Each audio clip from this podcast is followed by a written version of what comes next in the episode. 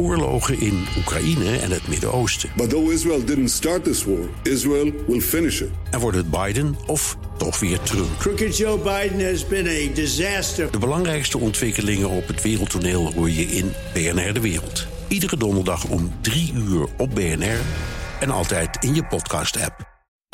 BNR Werkverkenners wordt mede mogelijk gemaakt door BrainNet. BrainNet voor zorgeloos en professioneel personeel inhuren. BNR Nieuwsradio. Werkverkenners. Rens de Jong. Een hogere schaal, een mooiere leasebak. Werkgevers die iemand graag willen inlijven, konden degene paaien met aantrekkelijke arbeidsvoorwaarden. Maar daarmee kom je er niet meer. Als ze bij me komen voor het oriënterend gesprek, dan hoor ik hele verhalen. Maar meestal komt het neer op wat wil ik nu echt? Een van mijn gasten ging naar Australië en vond daar een baan die aansloot bij zijn studie. Daarnaast werkte ik ook als ehm, ober in de horeca. En dat vond ik eigenlijk minstens zo gaaf, moet ik eerlijk zeggen. Werkgevers hebben deze ontwikkeling al wel in de gaten. Waar je eerst vaak werkgevers in zag zetten op uh, poen en prestige. De primaire arbeidsvoorwaarden zie je nu steeds meer purpose naar voren komen. En dan gaat het niet alleen om millennials. Als je kijkt naar het onderzoek, is het een trend die over de generaties heen gaande is. Belang van maatschappelijke impact. Het is wel zo voor jongeren. Die hebben vaak nog geen gezin, die hebben nog geen hypotheek. Dus die kunnen ook wel wat meer nadruk op dit deel van hun werk leggen.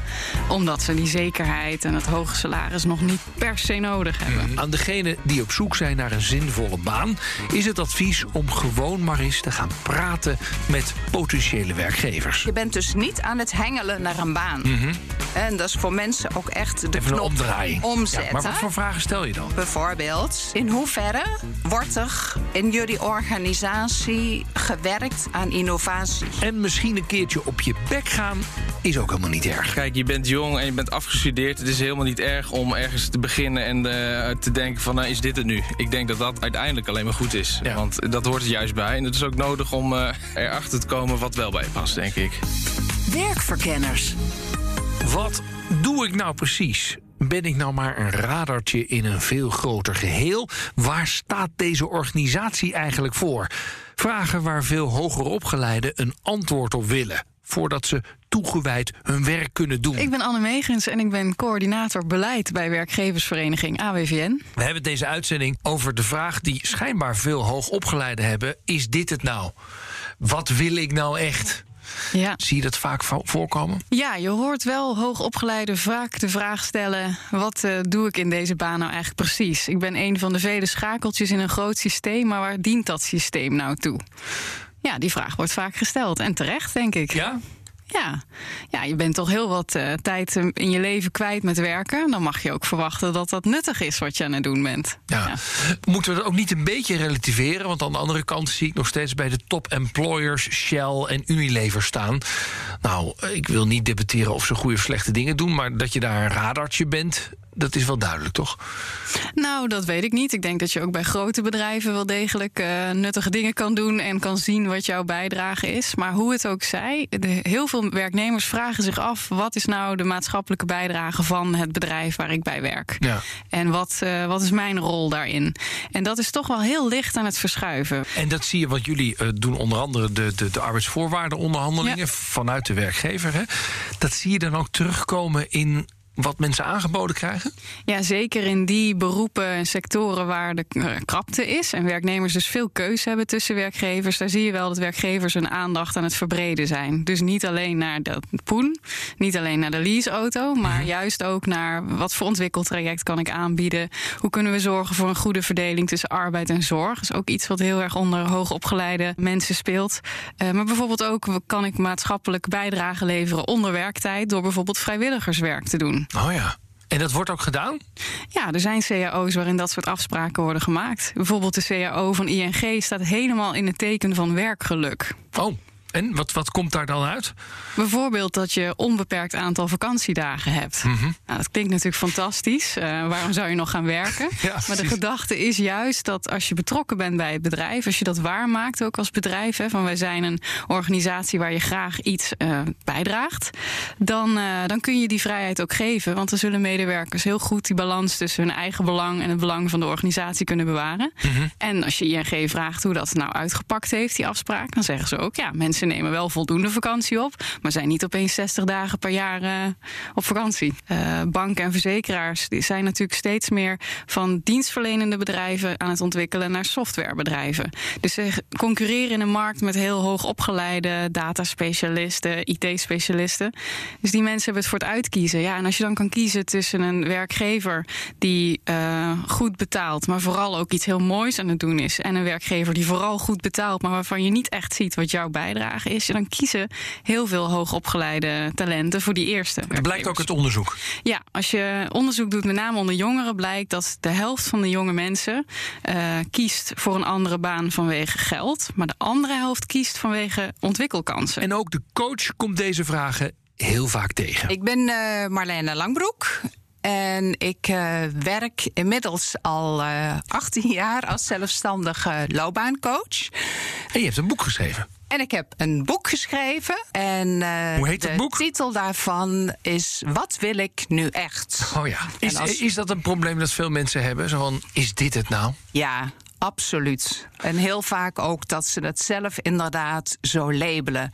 Wat wil ik nu? Maar dan vooral ook echt. En, ja. ja, en wat is er zo specifiek bij deze groep? Of is dat heel specifiek voor deze groep? Hoger opgeleide. Ik denk eh, van wel. Mhm. Want het is ook mijn ervaring dat hoger opgeleiden. eh, die hebben jaren gestudeerd, hun opleiding eh, afgerond, eh, beginnen dan aan een voor hen op dat moment eh, mooie baan. Maar na verloop van een aantal jaren, hè, dat kan variëren, vier, zes, acht jaar. Dat zijn met name ook zeg maar, begin dertigers of hè, eind dertigers die bij me komen, begin veertig ook. En maar dan hebben ze een aantal jaren gewerkt. En dan heel duidelijk de vraag: ja, is dit het nu? Ja. Wat missen ze in hun werk? Ja, dat is met name een stukje zingeving, betekenisgeving. Hè, daar vandaan ook die vraag: hè, is, is dit het nu? Hè, en ook dat ze zich afvragen: waar ben ik eigenlijk mee bezig in mijn werk? Waar lever ik een bijdrage aan? Wat ik wel met regelmaat hoor, bijvoorbeeld, van die, die eh, mensen is: eh, ja, ik lever een bijdrage aan het verhogen van de omzet van mijn werkgever of van de organisatie. Zo van, is dit wel wat ik wil doen? Ja. En, en zijn er nog andere dingen eh, die ze missen? Ik moet ook denken aan een coachklant, ja, die ook heel expliciet, of ik hoor het trouwens vaker hoor, maar heel expliciet eh, een coachklant die zei van, ja, ik, eh, ik wil me ontwikkelen, Hè, ik wil uitgedaagd worden. Mhm. Je wil je kwaliteiten kwijt. ja, ik wil mijn kwaliteit, maar zelfs meer dan dat hoor. Want ze heeft als consultant gewerkt eh, bij twee consultancy-organisaties. Maar liep er toch. ze hadden al de overstap gemaakt van de ene organisatie naar de andere. Omdat ze dacht, ja, daar heb ik meer groeimogelijkheden. Maar goed, hè, zoals zo vaak, hè, het gras bij een ander lijkt groener dan dat het is. Dus die, hè, die tweede organisatie was het ook niet voor. En zij zegt, ik wil, ik wil me ontwikkelen. Zijn er Ja. nog andere dingen waar mensen naar op zoek zijn? Een hele belangrijke, en dat is een heel basale, hè, is dat je energie krijgt van je werk. Oh ja. Wat ik met regelmaat ook hoor, is dat mensen zeggen: Ja, mijn werk kost me bakken met energie en ik krijg er weinig voor terug. Hè, zeg maar heel plat geformuleerd: ik loop erop leeg. Ik merk ook dat steeds meer eh, begin dertigers met een burn-out te kampen hebben. En dat is toch ook wel een signaal dat op een of andere manier het werk niet optimaal past. Een baan vinden, terwijl veel van je studiegenoten die niet kunnen vinden, gaf mijn volgende gast toch niet de voldoening waar hij op had gehoopt. Ik ben eh, Ruben van der Spek. Ik ben werkzaam als projectontwikkelaar bij Emere. Dat is een grote woningbouwcorporatie in Amsterdam. Waar ben jij tegenaan gelopen toen jij aan het werk ging, als we het hebben over motivatie? Nou, ik ben in uh, meerdere en mindere mate tegen van alles aangelopen tijdens mijn werk. Ik ben inmiddels nu uh, uh, acht jaar geleden afgestudeerd, mm -hmm. misschien wel negen jaar. En um, nou, een voorbeeldje waar ik uh, misschien... Wat even, wat even, ja? even, even een paar stapjes terug. Wat heb je gestudeerd? Ik heb bouwkunde gestudeerd. En waar heb je dat gedaan? Dat heb ik uh, in Enschede gedaan, HBO. En daarna ben ik uh, door gaan leren aan de universiteit in Eindhoven. En je eerste baan, waar, waar, waar was dat? Uh, dat was in Australië. Okay. mijn eerste echte baan, dat was in Australië. Ik ging na mijn studie ging ik een jaartje backpacken. want daar had ik heel veel zin in. Ik dacht, nou, dat heb ik nog niet gedaan. Dus laten we die maar gelijk afvinken. En toen ehm, werkte ik bij een architectenbureau mm -hmm. in Australië, in Sydney. Dus dat was eigenlijk heel gaaf.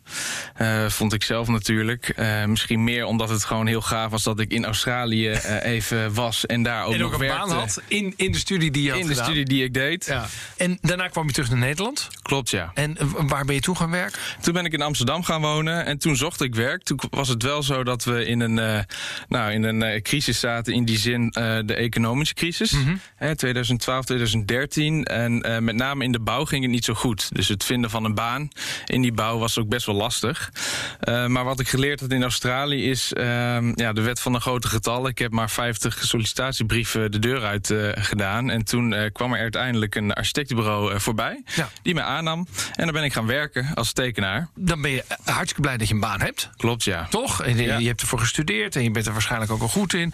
En dan, en dat bekruipt volgens mij heel veel mensen, bekruipt er toch een gevoel van, nou, vul maar aan. Ja, was dit het waarvoor ik nu uh, zeven jaar zo hard heb gestudeerd? Welk gedeelte van het ja, werk vond je ik, niet ik leuk? Kan, ik, ik zal het proberen uit te leggen. Ik dacht uh, in basis wat ik, wil, uh, wat ik later wil doen is huizen bouwen of gebouwen bouwen. Want dat vond ik mooi. Ik wil iets creëren en ik dacht daar kan ik mijn creativiteit in kwijt. Dus wat dat betreft zat ik bij architectuur heel erg goed. Alleen, um, en dat merkte ik met name in de praktijk. een architect heeft met name een specifieke rol in het hele verhaal van het tot stand komen tot een gebouw. namelijk echt het ontwerpen daarvan. En ik merkte dat die specifieke rol uh, toch iets minder bij me paste dan ik eigenlijk goed voor ogen had. En ook minder bij, me, bij mijn eigen misschien goede, en, uh, goede eigenschappen paste. Terwijl ik toch dacht van, hé, hey, maar ik vind het nog steeds gaaf, hè, grote gebouwen en dat realiseren, dat voor elkaar maken, daar krijg ik nog steeds een kick van. Dat vind ik nog steeds wel mooi. Wat ben je uiteindelijk geworden? Wat ik nu doe, ik ben nu projectontwikkelaar. dus ik bouw nog steeds, of ik zet me daarvoor in, uh, het realiseren van woningen -hmm. en uh, gebouwen. En dat doe je bij IJmeren, dat de doe ik bij IJmeren, klopt, ja. ja. En waarom is dat dan totaal anders? Waarom past dit wel? Nou, waarom IJmeren in ieder geval heel goed bij me past, is uh, naast het, het technisch-inhoudelijke, ja, je, ik maak nog steeds woningen, maar daarnaast ook de maatschappelijke rol die het inneemt. Het, voor mij is het betekenisvol werk. Wat ik heel leuk vind, is de combinatie van, uh, nou, ik kan me, uh, zeg maar, mijn kennis over techniek en over uh, het ontwikkelen en misschien ook wel wetgeving daarin kwijt. en daarnaast is het een hele leuke organisatie om voor te werken. Het zijn leuke collega's, het is een open sfeer, het is een stichting. Het heeft niet te maken met aandeelhouders en winst nastreven. En het neemt een bepaalde maatschappelijke rol in en dat, ja, dat past ja. goed bij mij. Straks wil ik weten hoe werkgevers inspelen op de zoektocht van hun werknemers. Ik hoor dat ze bij CAO-overleg nog altijd vooral bezig zijn met loononderhandelingen. En aan de andere kant merk ik ook dat er steeds meer werkgevers zijn die het uh, faciliteren van mensen in een loopbaantraject mm -hmm. ook zien als goed werkgeverschap. Rens de Jong.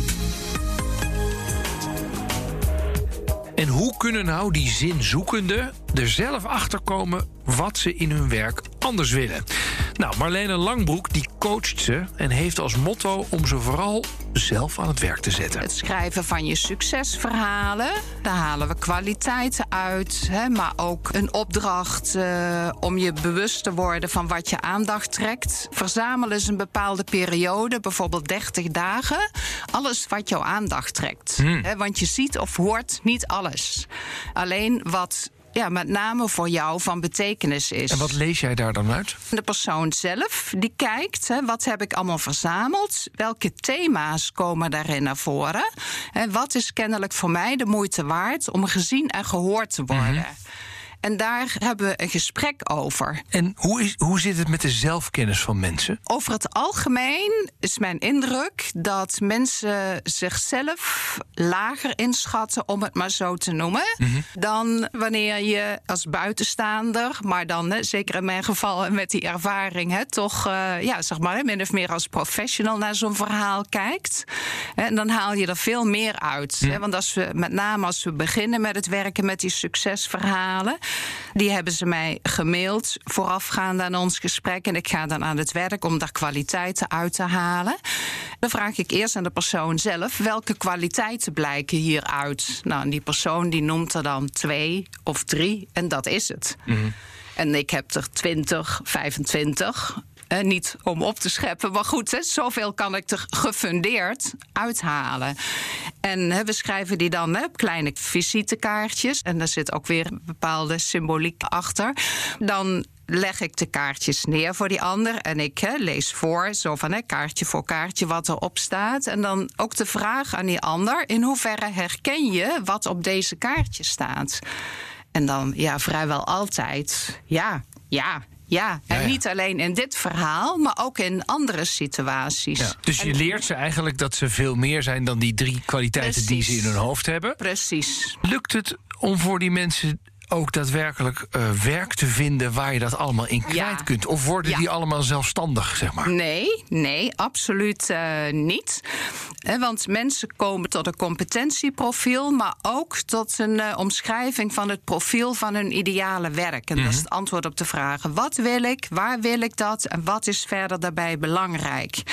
En dat profiel, dat is richtinggevend voor hun doen van hun onderzoek naar de behoeften op de arbeidsmarkt. Ja.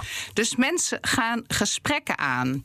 En daarmee spitsen ze dat profiel van hun ideale werk nog verder toe. Maar ook door die geïnteresseerde gesprekken te voeren met mensen en de goede vragen te stellen, kunnen ze zich ja, op een heel natuurlijke manier profileren Ja.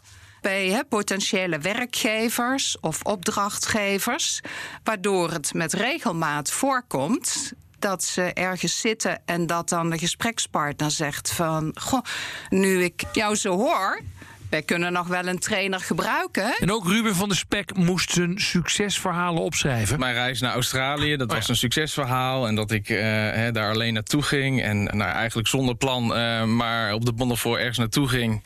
En eh, toch aan het einde van het jaar eh, voor mijn gevoel had... nou, ik heb het wel eh, nou ja, een klein beetje voor elkaar hier. Ik heb veel nieuwe mensen leren kennen. Ik heb eh, veel nieuwe kennis opgedaan. Oké, je schrijft al die succesverhalen op en dan... Precies. Nou, dan ga je die een beetje analyseren en dan probeer je te kijken van goh, wat voor een specifieke eh, zaken uit dat succesverhaal waren het dat dit voor jou een succesverhaal was. Want iedereen heeft natuurlijk zijn eigen succesverhalen.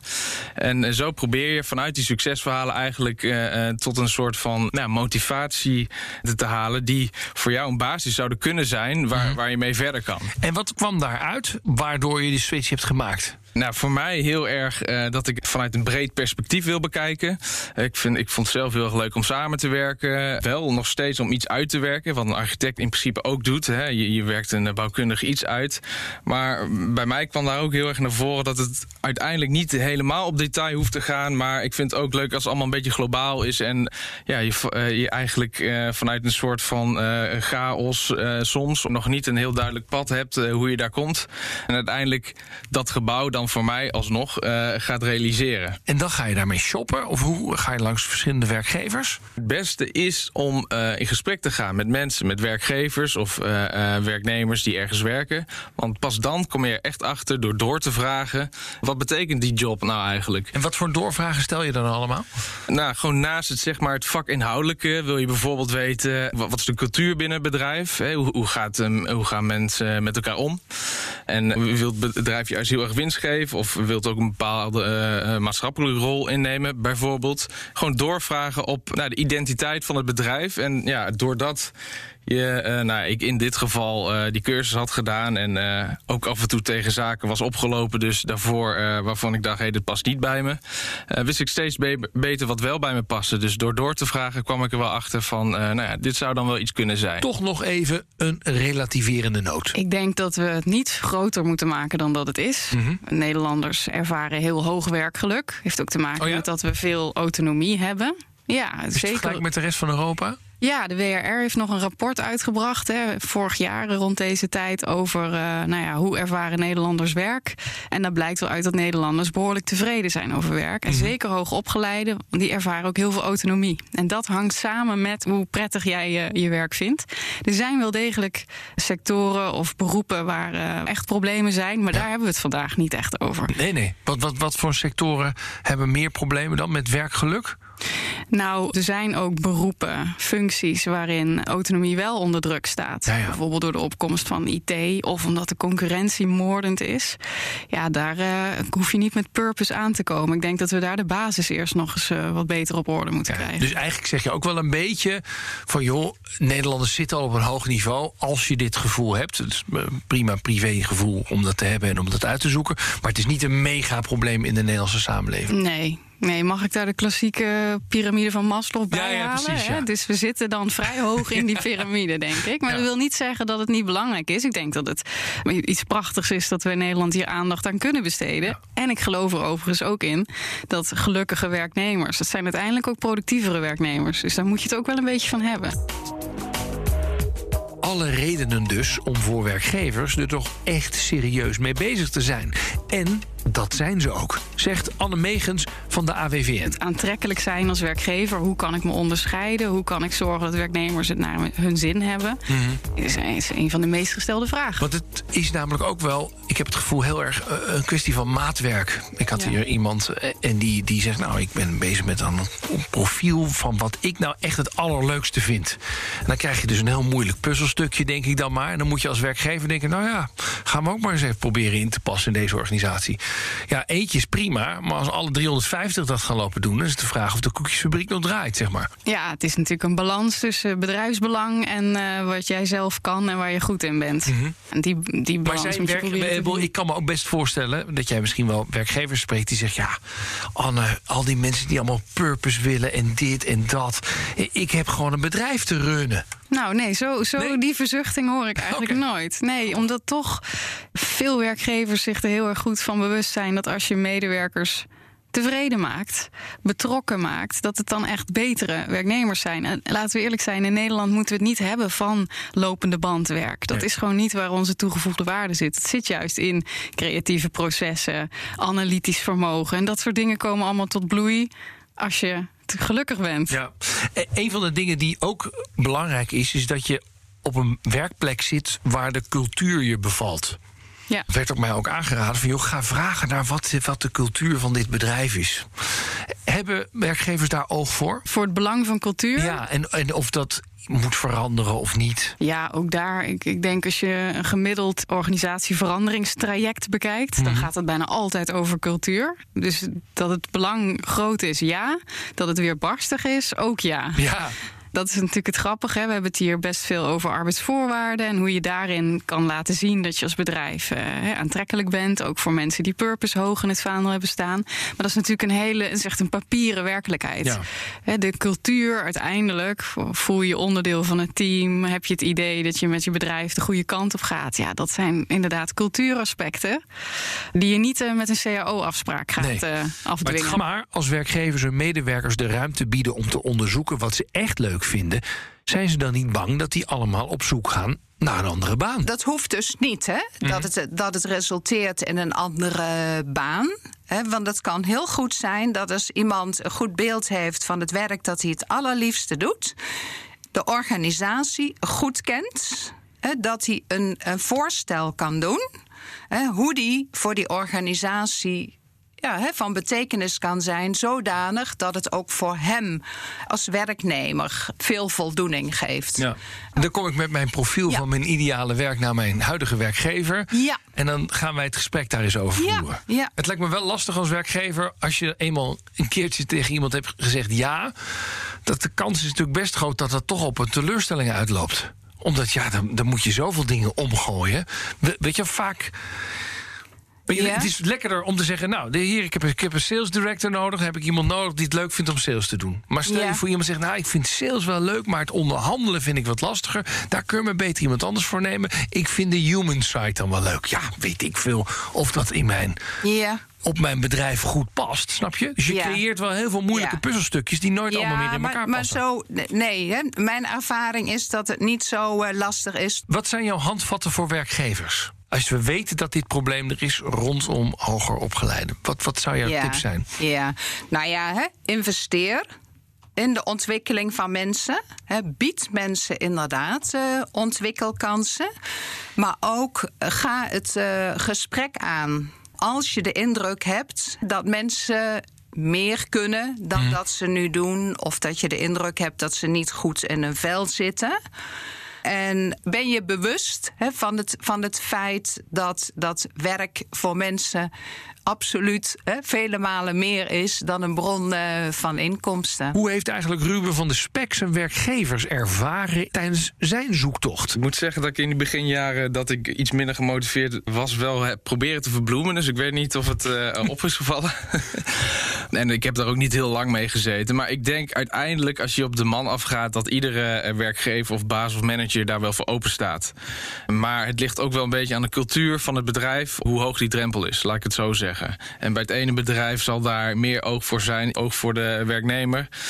En Want dat betekent wel dat die werknemer weggaat. Of dat we zou kunnen. ehm, bevestigen, oh nou, als je het niet leuk vindt... Nou, dan moeten we er maar wat aan gaan doen dan. ja, weggaat of wellicht hè, bij een eh, iets groter bedrijf een andere functie in dat bedrijf. Maar uiteindelijk is een werkgever er natuurlijk ook bij gebaat eh, dat eh, werknemers gemotiveerd zijn.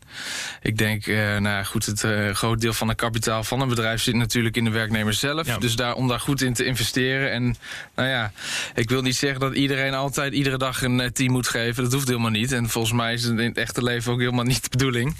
Maar eh, ik denk dat het wel goed is dat er oog voor is dat mensen doen wat ja, dicht bij hun kracht zit en waar ze gemotiveerd van worden. Conclusie van deze uitzending: we ervaren in Nederland relatief veel werkgeluk. Maar hoger opgeleiden zijn ook echt op zoek naar hoe ze in hun werk iets kunnen bijdragen aan iets groters. En deze groeiende groep vraagt de werkgever niet alleen meer wat de baan schuift, hè, wat hij betaalt, maar wil ook weten welke maatschappelijke rol het bedrijf nou precies speelt. En welke ontwikkelkansen er zijn en wat de cultuur op het werk is. Nou, werkgevers kunnen deze behoefte maar beter serieus nemen. Want, hoorde ik eigenlijk al mijn gasten zeggen... gelukkige medewerkers zijn productieve medewerkers. Veel werkgevers zijn er ook wel van doordrongen... en nemen er zelfs mogelijkheden in op in hun CAO. Zoals vrijwilligerswerk in de basentijd... gelegenheid om zorg met werk te combineren... of zoveel vakantiedagen als je maar wil. Nou, mocht je binnenkort onderhandelingen ingaan als werkgever of als werknemer, weet wat er echt speelt.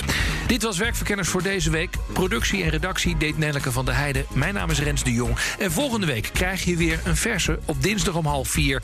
En in je podcast-app kun je hem op ieder moment terugluisteren. Tot de volgende keer. Dag. BNR Werkverkenners wordt mede mogelijk gemaakt door BrainNet. BrainNet voor zorgeloos en professioneel personeel inhuren.